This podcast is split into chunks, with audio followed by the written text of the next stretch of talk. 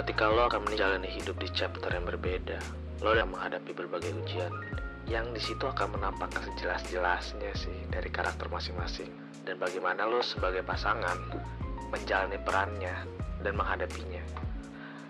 Dari apa yang udah gue jalani, definisi bahagia itu setiap lo menghadapi ujian dan melalui setiap ujian yang ada, lo ngeliat pasangan lo dan lo bersyukur karena Allah mengirimkan orang yang tepat.